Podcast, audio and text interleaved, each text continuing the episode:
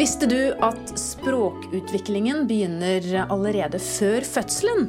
Barnets språk er fascinerende, og du venter kanskje nå på det første ordet. I denne episoden av babyens første år skal vi snakke mye om språk, i tillegg til den fysiske utviklingen til barnet ditt, som nå er åtte måneder gammelt. Jeg heter Karine Næss Frafjord, og vi skal som vanlig høre med både barnelegen og psykologspesialisten om hvordan en åtte måneder gammel baby er. Og Vi starter med deg, som vanlig, barnelege Siv Helen Obrestad Watz ved Stavanger universitetssykehus. Hva kan du si om en åtte måneder gammel baby? Ja, det er at barnet ditt nå er nå i en rivende utvikling. Eh, både i forhold til språk og i forhold til motorikken. Eh, og eh, det begynner nå å bli mer og mer mobilt og komme seg rundt. På egen hånd, og det ble en slags fysisk løsrivelse fra eh, foreldrene, på en måte. En ny milepæl i barnets utvikling. Og jo tryggere barnet er på deg, jo mer vil barnet tørre å utforske omgivelsene sine. Og utviklingen bygger jo eh, hele tiden på barnets tidligere grunnlag. Så viktig å ha det i mente. Hvor er barnet ditt nå? og når jeg snakker om eh, utviklingen for en åtte måneder, så snakker jeg om eh, eh, det gjennomsnittlige, da. Ja, for, det har vi snakket om før. Det er litt sånn skummelt å sammenligne. Ja, det må du ikke gjøre. sånn at eh, jeg tenker at hvis du er bekymra, så er det lurt å spørre eh, råd på helsestasjonen i forhold til om det er ting i forhold til motorikken eller i forhold til den kognitive utviklingen med språk eh, om de kan gjøre en vurdering av om det er grunn til bekymring. Mm. Så, men i forhold til eh, motorikken, da, så begynner nå barnets lek å bli mer avansert eh, fordi koordineringen bedres. Eh, og barnet øver fremdeles på pinsettgrepet og syns det er veldig kjekt å øve seg på dette. Eh, og prøver å plukke opp eh, små gjenstander som det ser. Da snakket vi i forrige episode om at det kan være lurt å kanskje bruke det i matsituasjoner også. Absolutt. Små, små det, biter med mat. Det er en kjekk, eh, kjekk eh, aktivitet for barnet når det sitter i den eh, situasjonen. Eh, og nå kan barnet flytte gjenstander fra én hånd til den andre. Og det kan òg ta f.eks. en skje oppi en kopp og ja, utforske eh, med hendene. Eh, og denne eh, måneden eh, Det er mye som skjer, og mange barn eh, lærer seg å krype eh, i løpet av denne måneden. Eh, og det skjer først ved at barnet drar seg framover eh, med armene, som vi snakket om i forrige episode. Så vil barna, når det starter å skal lære seg å krype, så vil det ofte skyver seg bakover, for det er lettere for, for uh, skulderpartiet og armene. Og blir frustrert av det, husker jeg. Og blir frustrert, ja. Men etter hvert som barnet da blir sterkere i skulderbuen og i armene, så vil det lære seg å kunne dra seg framover. Eh, og eh, det er lite aktivitet i beina i starten. Det skal alltid være litt aktivitet, men det er helst armene som jobber. Og så kommer det mer og mer aktivitet i beina. Eh, og eh, bevegelsene mellom armene og beina blir mer koordinert, så det blir et slags diagonalmønster eh, barnet bruker da på å åle eller krype seg framover. Men dette er jo veldig tungt for barnet, for det drar jo da med seg hele kroppen over et gulv. Spesielt hvis det er teppe, eller hvis det er mye motstand til møtet, så blir jo det et veldig tungt arbeid for barnet.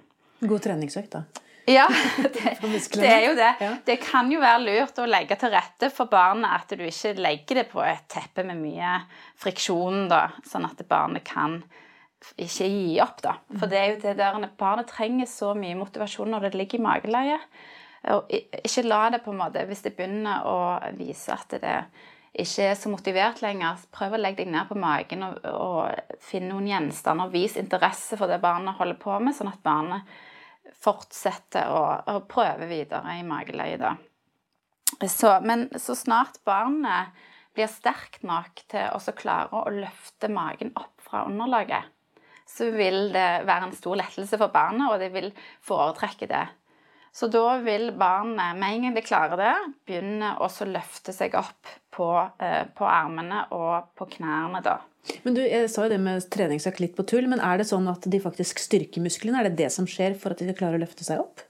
Ja. ja. Eh, det er en veldig viktig del av prosessen med å klare å, å lære seg å krype og reise seg og etter hvert gå. Det er jo det å styrke både eh, muskulatur og styrke den der sensoriske eh, med at de eh, på en måte blir mer bevisst på avstander eller høyder, eller at de, når de beveger seg litt rundt, at det er noe de på en måte ikke bare flatt overalt. da. Mm. Men òg så er det jo det med å jo mer trening i mageleie, jo mer du, de klarer å liksom, Nå skal de jo klare å rulle seg rundt òg.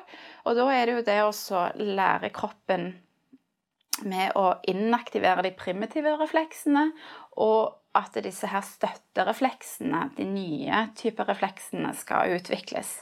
Som er igjen veldig viktig for det å kunne krabbe og senere gå. Mm. For du har en liten prosentandel eh, barn eh, som eh, aldri krabbe.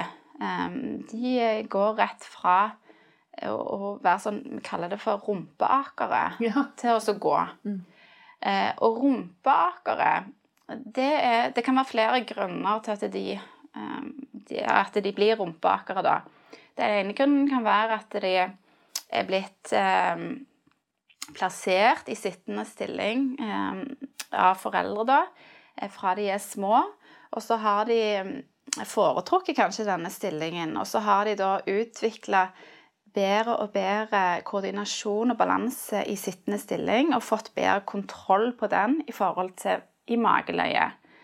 Og dette er kanskje, kanskje barn som ikke har likt så veldig godt å, å ligge i mageleie, da. Og så da når de er kommet opp i sittende, så har de eh, fått en mer de syns det er veldig kjekt, da, for de får jo en, en, et annet overblikk over omgivelsene. Og de får en helt annen eh, eh, sosial eh, kommunikasjon med de rundt seg. Eh, og eh, et barn, hvis det da lærer seg å kunne forflytte seg i sittende, så vil det foretrekke å bruke det. fordi da er det på en måte eh, første vei til målet. Mm. Så da kan de bevege seg rundt med at de eh, skyver med, med, armene, og så eh, eh på en måte bruker beina til å hoppe bortover med rumpen. en annen grunn til at du har rumpeakere, det er at du f.eks. har et barn som er ganske sånn At leddene er veldig eh, løse, da. Hypermobile kaller vi det. Ledd. F.eks. da i hoftene. Og det vil gjøre at når barnet ligger i eh, mageleie og skal klare å komme seg opp på knærne sånn at det kan krype Eller krabbe, mener jeg. Så, så eh, eh vil eh, hoftene utadrotere for mye til at de klarer å komme At det, det blir ikke Hoftene står ikke i linje nok, eller eh, knærne står ikke rett nok til at de klarer å krype framover. Det blir for tungt for dem å komme opp i, i fire fotstående, altså kne, mm. knær og armene nedi.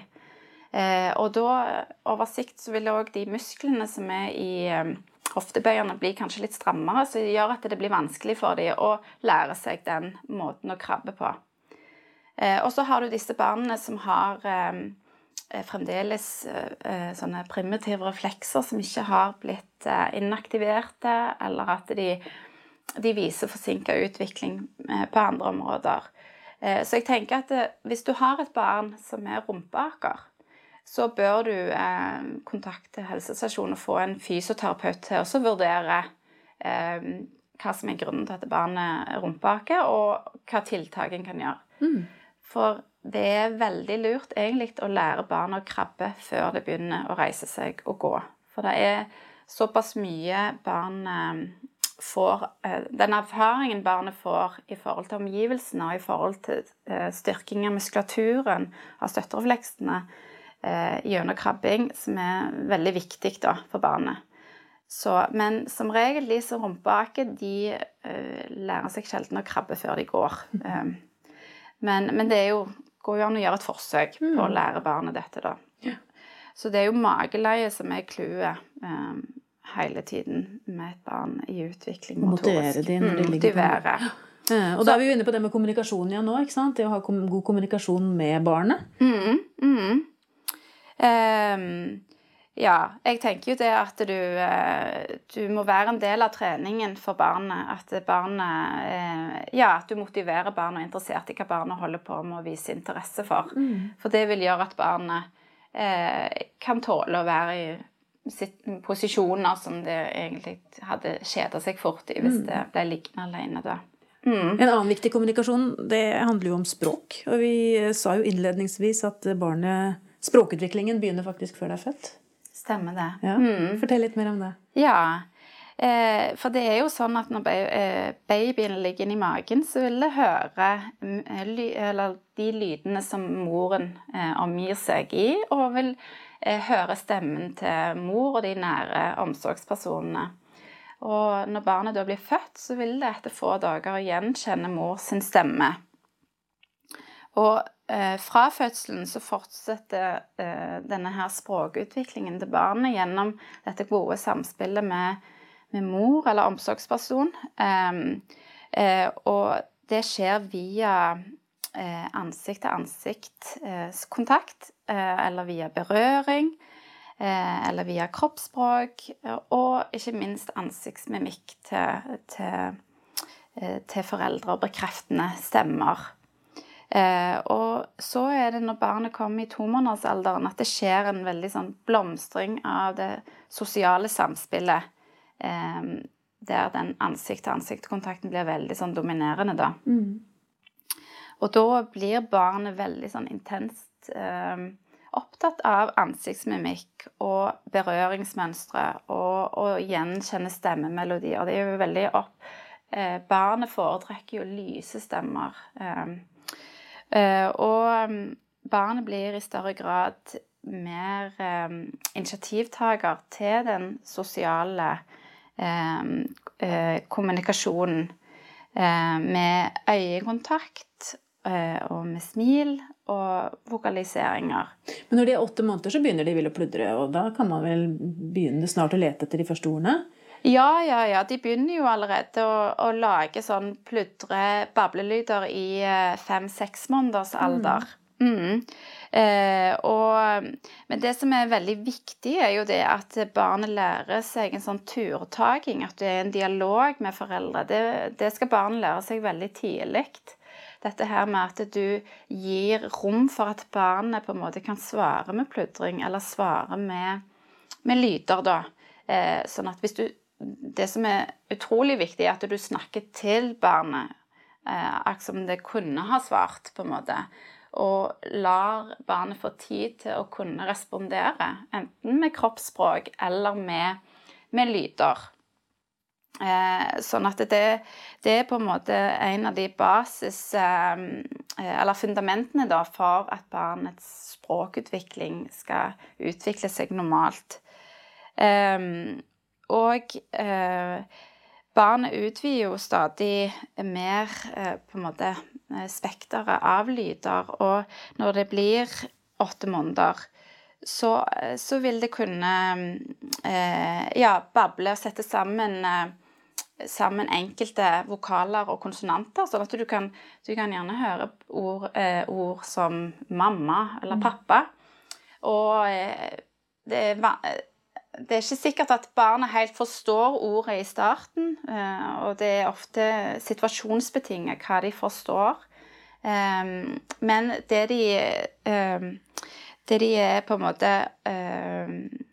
Barnet er opptatt av, da, er jo det å kommunisere eh, Istedenfor eh, å kommunisere eh, Altså kommunisere og, eh, med eh, om ting, så er de Nei, tidligere så var de interessert i kommunis selve kommunikasjonen, men nå er de interessert i å kommunisere om noe. Altså at de, de vil eh, lede oppmerksomheten til noe annet. Snakke om katten eller ja, lyset eller I omgivelsene, eksempel. Mm, mm. Ja, sånn at eh, Og barnet blir veldig interessert i å dele interessen sin Eh, eh, og at den vokse, voksne skal på en måte eh, delta i denne kommunikasjonen, da. Mm. Og derfor er det så viktig at du bekrefter det barnet viser interesse for. Mm. Eh, er. Eh, et barn kan f.eks. Eh, prøve å få den voksne til å eh, han noe som han ikke sjøl klarer.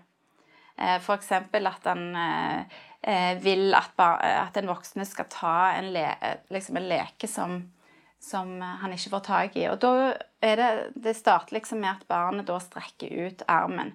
Og det er en eh, Eller det er en begynnelse på noe som vi kaller for pekegesten. Altså at eh, barnet lærer seg at eh, hvis barnet strekker seg ut mot noe, og det liksom skjer at den voksne tar det hintet da, og så henter den tingen, mm. så vil barnet etter hvert lære seg at hva, eh, hva pekegesten på en måte kan innbefatte. Da. At det, det, kan søke oppmerksomhet, og at det kan, det kan oppnå noe med å peke. Og, men pekegesten er jo òg veldig så situasjonsbetinga. At eh, den kan på en måte Det er den voksne som må tolke litt eh, hva pekingen mm, innbefatter. Om det er at barnet vil ha noe, eller at barnet ønsker felles oppmerksomhet mot noe. F.eks. se der, du òg. La oss snakke om det. Eh, og det at eh, det, den fasen barnet er nå i forhold til språkutvikling, er at det, det er mye imitasjon barnet utfører. Eh, sånn at det å sette ord på ting og, og bruke eh, rim og regler eh, som involverer kroppen til barnet, f.eks. Lille Petter Edderkopp, eller Klappe søte, eller sånne kjente barneregler, det gjør at eh, eh, barnet blir veldig motivert for det, og, og, og prøver å imitere f.eks. Ja, og her er det jo gjentagelser sikkert også som gjelder, ikke sant? Absolutt. Mm. Her er det gjentagelse. Og, og, det er jo sånn at hvis du gjentar deg sjøl, og gjerne gjentar et ord i forskjellige settinger, da Hvis at dere, eh, dere snakker om f.eks. du bruker en bamse, da, og så barnet peker mot en bamse, så kan du si eh, Ja, vil du at mamma skal hente bamsen? Eh, som ligger på gulvet. Eh, 'Nå tar jeg bamsen bort til deg. Bamsen har på seg eh, det og det.' Eller 'Tror du bamsen er sulten?'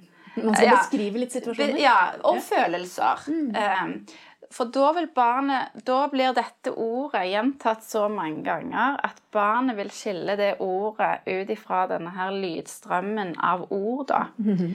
Og etter hvert forstå et spesifikt ord ut ifra situasjon og, og mening, da. Mm. Så det er jo ofte ord som kommer tidlig, da, er jo mamma og pappa og nei og ja. Og et barn skal jo nå begynne å forstå ordet nei. Um, og uh, det er jo det at det blir gjentatt ofte, og at barnet forstår uh, betydningen av at det blir gjentatt i situasjoner der, der barnet ikke får eh, på en måte At barnet blir grensesatt, da. Akkurat. Vi skal jo i denne episoden nå snakke litt om, um, om foreldrerollen. Men hva kan du si om det nå som, som barn er åtte måneder, sett fra ditt synspunkt, liksom, i forhold til det kognitive og det å ha disse kjente og kjære personene rundt seg? Hvor viktig er det fortsatt? Og det er kjempeviktig, ja. For at barn er jo nå Eh, i denne her perioden så er barnet midt i denne her eh, fremmedangst eh, Eller liksom de har en ekstrem fremmedangst som plutselig har oppstått. Og den tilknytningen til foreldre er så viktig. Og at foreldre på en måte er deltakende i barnets utvikling og trygge det i forhold til den, de sosiale relasjonene og hvordan barnet eh, responderer til andre mennesker. Det kan jo f.eks. være at de ikke har sett besteforeldrene på en stund, og så dukker besteforeldrene opp på besøk, og så blir det plutselig eh, hyling, og at besteforeldrene blir liksom kjempeskumle. Eller andre personer som på en måte har sett barna opp igjennom og har hatt en relasjon, men så plutselig så opp eh, liksom, så opplever barnet det som veldig utrygt. Og det, det er en helt naturlig, naturlig reaksjon hos barnet. Og hvis barnet ikke viser denne her fremmedfrykten for andre i denne her perioden fram til de er ett år, eh, så, så, er det heller litt eh, eh, på en måte Ja, det kan, at det kan være litt bekymringsfullt da. For da vil det si noe om tilknytningen til foreldre og forholdet eh, til foreldre. At den ikke er den optimale, da. Så det er helt naturlig. Og jeg tenker det at eh, som omsorgsperson så er denne tiden veldig viktig for barnet. Eh, barnet henvender seg veldig mye til deg, og, og barnet trenger å bli sett og bli, bli bekrefta. Vi skal snakke mer om det med psykologspesialist Grete Tangen Andersen eh, om litt, men takk skal du ha, eh, barnelege Siv Helen Obrestad Watz.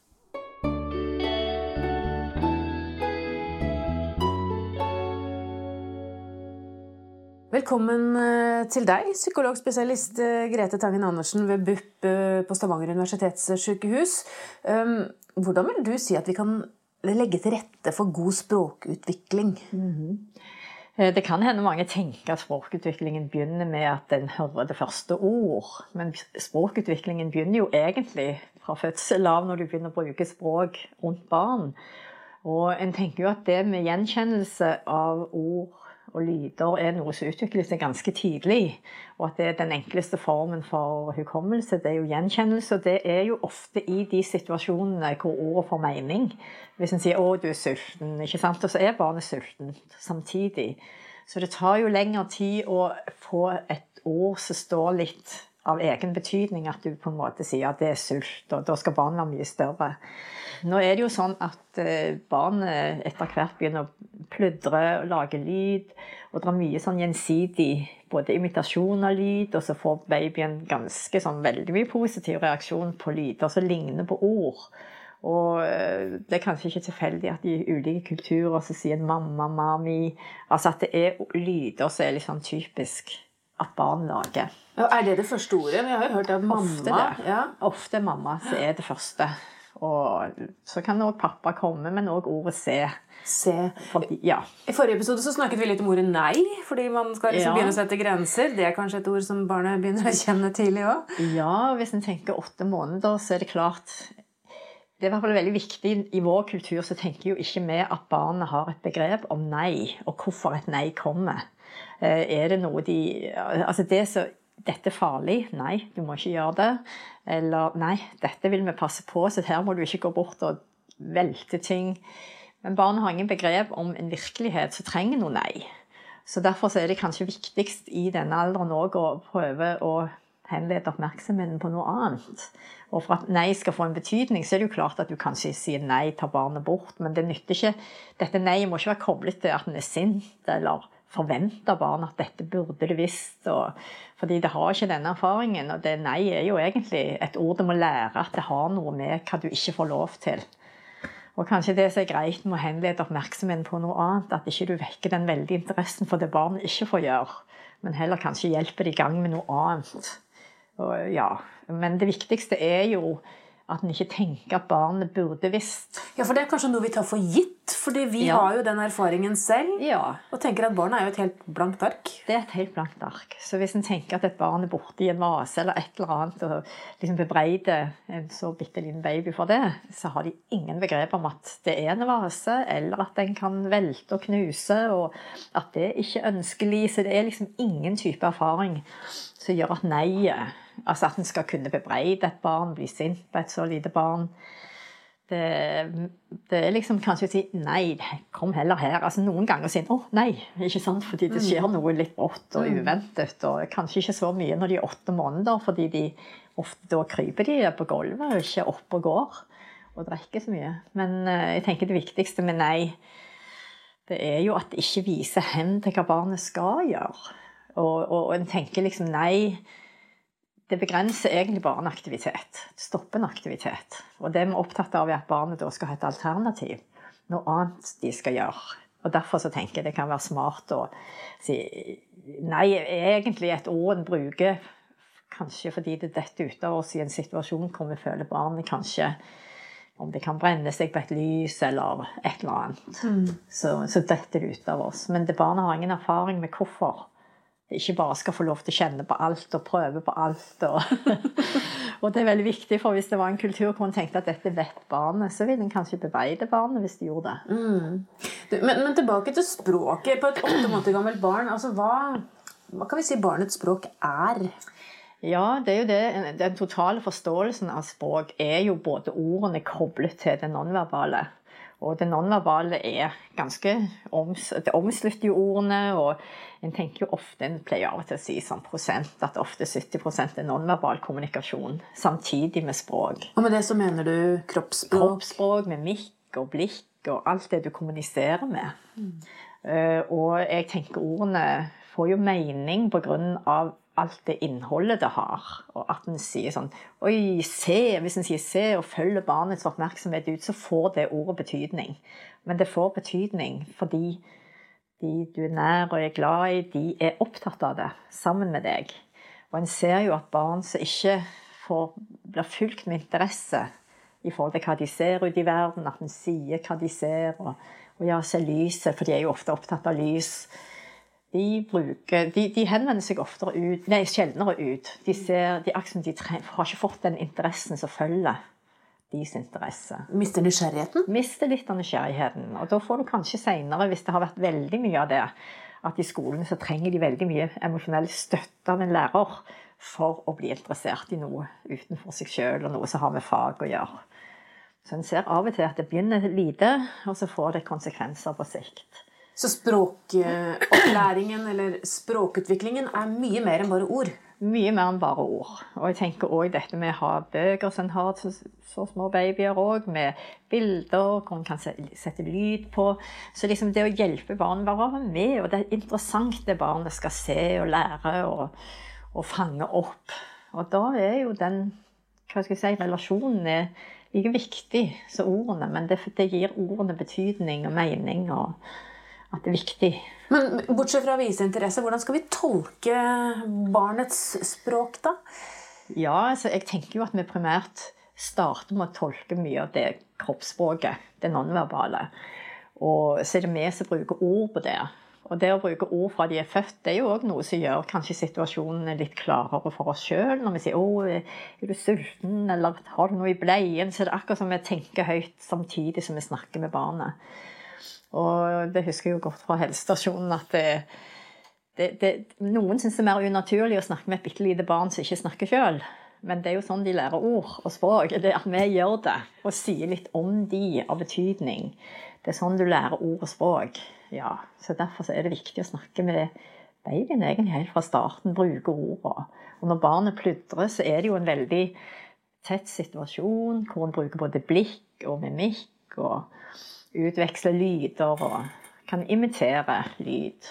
Barn er jo veldig opptatt av imitasjon. Det å speile lydene så de opplever og hører. Så vil de gradvis liksom formes inn i disse ordene.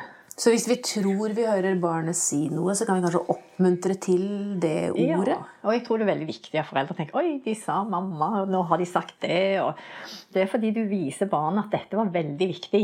Dette var veldig kjekt å oppleve. Og da vil jo det egentlig bare forsterker bruken av den. Det ordet, f.eks. da.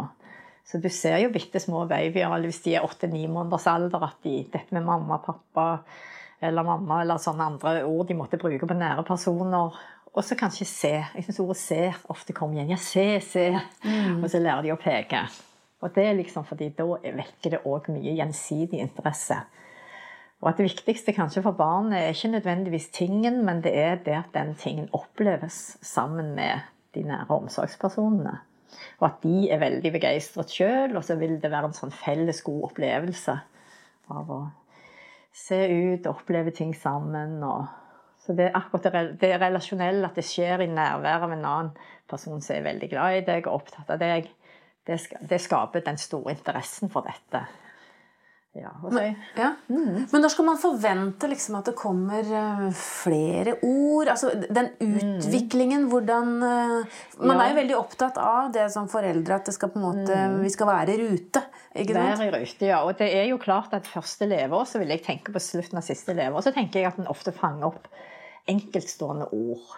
Og så er det mellom ett og to år, år at barnet setter kanskje sammen to ord til 'se der', eller 'komme', 'mamma komme'. Altså at de setter sammen ord. Men da blir det kanskje to ord som setter sammen. Og det opp til sette sammen til setninger, det er noe som utvikler seg kanskje fra halvannet til fire års alder. Så det er jo en, et godt sånn normalområde her. Men at det da skjer i løpet av den perioden at barnet kanskje snakker tydeligere, det setter sammen flere ord. Men i starten er det jo enkeltord, og så kanskje to. Men så man har god tid foreløpig? Har god tid, absolutt. Og jeg tenker de første ordene er jo nettopp de ordene en føler er der. ikke sant? Så en forsterker veldig fordi at en gir en veldig respons på dem. At en syns det er veldig kjekt med ord som minner. Barn er jo én ting. Eh, mm. Foreldrene eh, er jo Vi har jo snakket litt om mm. relasjoner eh, også. Um, vi har snakket om det å være kjærester og det mm. å ta vare på hverandre når to ja. blir til tre.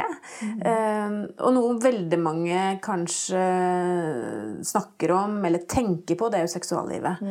Uh, hvilke utfordringer er det du har møtt der når du snakker med foreldre med små barn? Ja, altså Det er jo mange ting som kommer inn i livet ditt med et lite barn. Og for mor er det jo veldig ofte at kroppen er veldig opptatt av barnet, og ofte ammen, eller han er i hvert fall veldig kroppslig tilgjengelig for barnet. og så er det dette med søvn og opplagthet, som er veldig viktig for å få lyst til noe, og bl.a. i forhold til seksualliv. At en har at en ikke er så trøtt at en tenker at når han legger seg ned, så skal han sove. Og, så det er mange ting som spiller inn nå. Men jeg tror, mitt inntrykk er jo at alle er opptatt av på en eller annen gang å få dette opp og gå igjen. Og liksom at en skal bli trygg på kroppen, at det ikke gjør vondt. Det... og så tror jeg det, for en er jo veldig opptatt av at en skal snakke sammen og prøve å finne ut av når er det naturlig å starte. Kanskje noen starter fire måneder, kanskje noen eldre. Det er liksom ikke noe regel på det. Og så er jo det en sier, ja, De kan jo snakke sammen og finne ut av det, men en må nok finne litt ut av ting ved å gjøre det òg. Men en skal være enig og kjenne at nå gjør en det. Og så ser en hvordan det går, og så må en gradvis komme i gang. At det ikke blir sånn at en tror at en kan finne en sånn optimal tidspunkt. Jeg tror bare det er å hoppe i det og prøve, men en må på en måte være enig begge to og vite at dette er noe som en skal få lov til å prøve litt ut. At det er noe med kroppen, og det har skjedd mye akkurat der nede. Og da er det jo klart at en skal være trygg på at det ikke er ubehagelig, vondt, at ting fungerer igjen. Så jeg tror bare en må utforske det. Men Hva er den største, er den største hindringen? For jeg tenker Det er jo kvinnekroppen som endrer seg. Mannen, eh, hvis ja, det er en mann i forholdet, er jo helt lik. Ja, så det er jo klart det er òg å få litt kroppen sin tilbake. Det er akkurat det å, å kjenne at det nå er en der at en kunne tenke seg å ikke bare være babyen sin. Så da tenker jo jeg at det er en sånn følelsesmessig sak, og det å kjenne etter og kanskje også snakke litt sammen og tenke at det var jo ikke evig Det er jo et, hvis en tenker første leveår, så er det veldig mye som skjer. Og det er mye amming, f.eks.? Veldig mye amming. Og det er jo klart at eh, Og der er det jo hører jo det, og det av og til det med sjalusi, og at fedre kan synes det er vanskelig. At kroppen er så opptatt, altså at mors kropp er så opptatt av barnet og er så barnet sin, og så kan det oppstå litt sjalusifølelser. Og Det er jo ofte noe som oppfattes veldig negativt, men jeg tenker jo at det er jo ikke så veldig rart at sånne følelser finnes. da fordi at en føler mister posisjonen og plassen sin. og og spesielt med førstemann så føler en jo ofte at ting varer evig. At det kommer aldri til å ta slutt, dette her. Og det er jo ikke riktig. Men eh, det er fort den følelsen.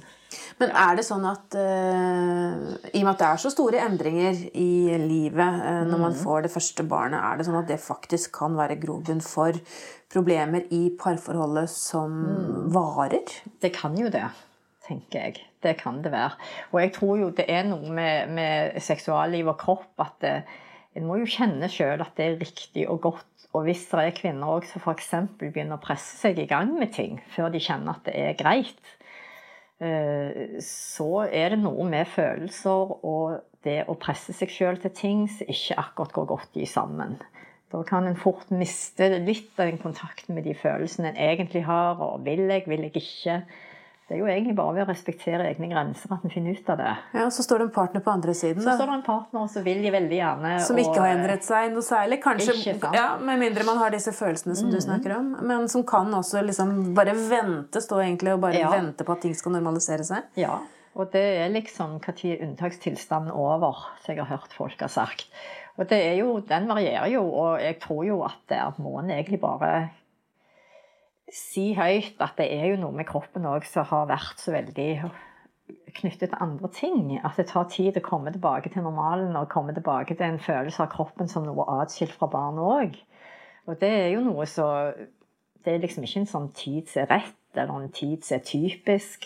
Jeg syns det er en variasjon, da. Men jeg tror jo det å være litt i dialog, at det handler ikke egentlig om eh, far her, f.eks., men det handler om at en skal sjøl komme tilbake til en opplevelse av kroppen som noe annet enn den som ammer, og den som hele tiden er rettet mot barnet. Og, og så er det det med, med, å være trøtt. Og da tenker jeg jo kanskje begge parter skal ta på alvor at en blir mindre trøtt hvis en får dele på søvn.